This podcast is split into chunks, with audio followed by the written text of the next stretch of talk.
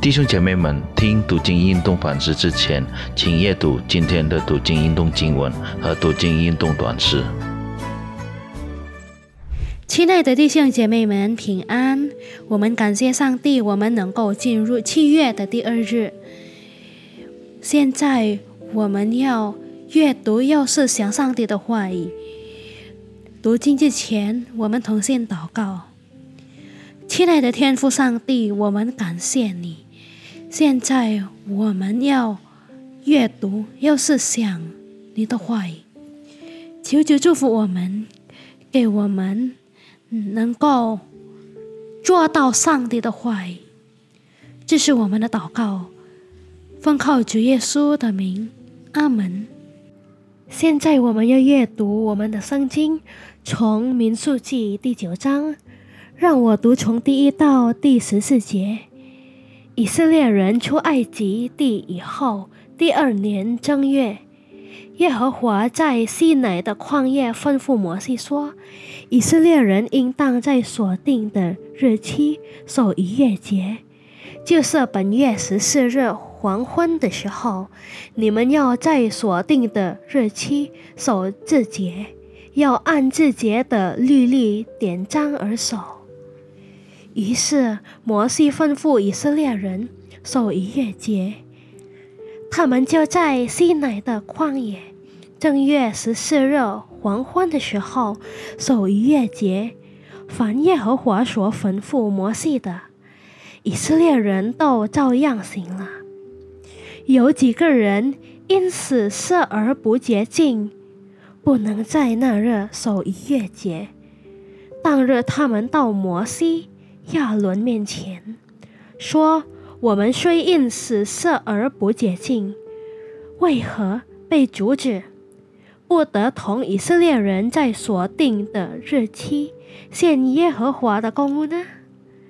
摩西对他们说：“你们暂且等候，我可以去听耶和华指着你们是怎样吩咐的。”耶和华对摩西说：“你小谕以色列人说，你们和你们后代中。”若有人因死色而不洁净，或在远方行路，还要向耶和华守逾越节。他们要在二月十四日黄昏的时候守逾越节，要用无酵饼与苦菜和逾越节的羊羔同吃，一点不可留到早晨。羊羔的骨头一根也不可折断。他们要照逾越节的一切律例而守。那洁净而不信路的人若推辞不守逾越节，那人要从民中剪除，因为他在所定的日期不献耶和华的公物。应该担当他的罪。若有外人聚集在你们中间，愿意向耶和华守逾越节，他要照逾越节的律例典章行。不管是聚集的是本地人，同归一例。阅读、思想，要做到上帝的话语，真是有福。今天我们的主题是庆祝你的复活节。逾越节对以色列人来说是一件非常重要的事件，所以从第一个逾越节那日开始，耶和华就命令他们每年都要纪念这一日，守这礼节。在逾越节那日。耶和华将以色列人从埃及为奴之地领出来，在埃及生活了四百三十年。以色列人被奴役和剥削了数百年，使埃及成为一个繁荣的国家。所以法老决意阻挡他们离开埃及，是情有可原的。耶和华施展大能的手，将以色列人从埃及领出来。十灾，红海分裂，云柱和火柱的引领，都见证了耶和华的大能，把他们从奴役之地领出来。如果单凭他们的学历，是不可能。脱离埃及的，因为埃及人的学历远比以色列人强大，因此耶和华要他们纪念逾越节的事件是合情合理的。对于那些因为某些情况而不能按时守逾越节的人，一个月之后还是要向耶和华守逾越节的。即使耶和华在时间上有宽容，但逾越节的一切律例必须遵守。需关注的是，耶和华下旨灭除那些本来能够守逾越节但拒绝少的人。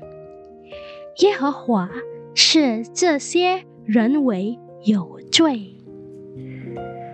在教会日历中，圣诞节、主耶稣的受难日、复活节、主耶稣的升天节和五旬节是信徒每年必须纪念庆祝的节日。庆祝那些节日是必须的。然而，庆祝如只是为了遵循教会定下的节日，或者因为教会举行的。或者仅仅因为道德义务，那么庆祝活动就变为毫无意义的例行公事。如果庆祝活动是为了纪念上帝在那个节日所做的一切事情，并将其看为与我们作为被上帝所爱的人有相关的事上来进行的。那就不一样了。作为信徒，在我们信仰的旅途中，一定经历过复活节。我们曾经被罪辖制作罪的奴仆，就像以色列人曾经被埃及人奴役一样。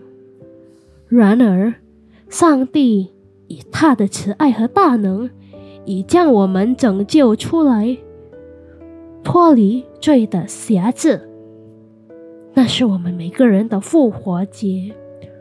除了教会所定下的节日，我们本应该庆祝这大日子。正如以色列人被要求谨记耶和华的作为，我们也要谨记上帝在我们生活中所做的一切。